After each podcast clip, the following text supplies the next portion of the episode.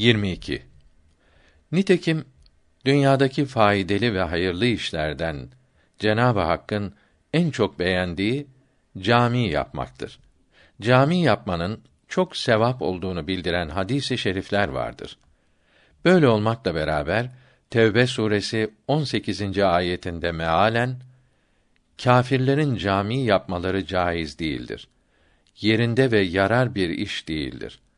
Onların cami yapmaları ve diğer bütün beğendikleri işleri kıyamette kendilerine yaramayacak ve Muhammed aleyhisselama tabi olmadıkları için cehenneme girip çok acı azaplarda sonsuz olarak cezalandırılacaklardır buyuruldu.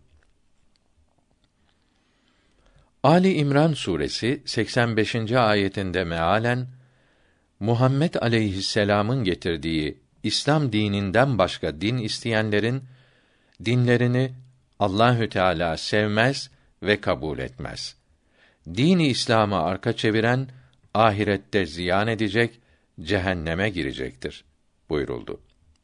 Bir kimse binlerce sene ibadet etse ve ömrünü nefsini temizlemekle geçirse ve güzel huylarıyla yanındakilere ve keşfettiği aletler ile bütün insanlara faydalı olsa Muhammed aleyhisselama tabi olmadıkça ebedi saadete kavuşamaz. Nisa suresi 13. ayet-i kerimesinde mealen Allahü Teala'nın ve Peygamberi Muhammed aleyhisselam'ın emirlerine aldırış etmeyenler, beğenmeyenler asra fenne uygun değildir, modern ihtiyaçlara kafi değildir diyenler kıyamette cehennem ateşinden kurtulamayacaklardır.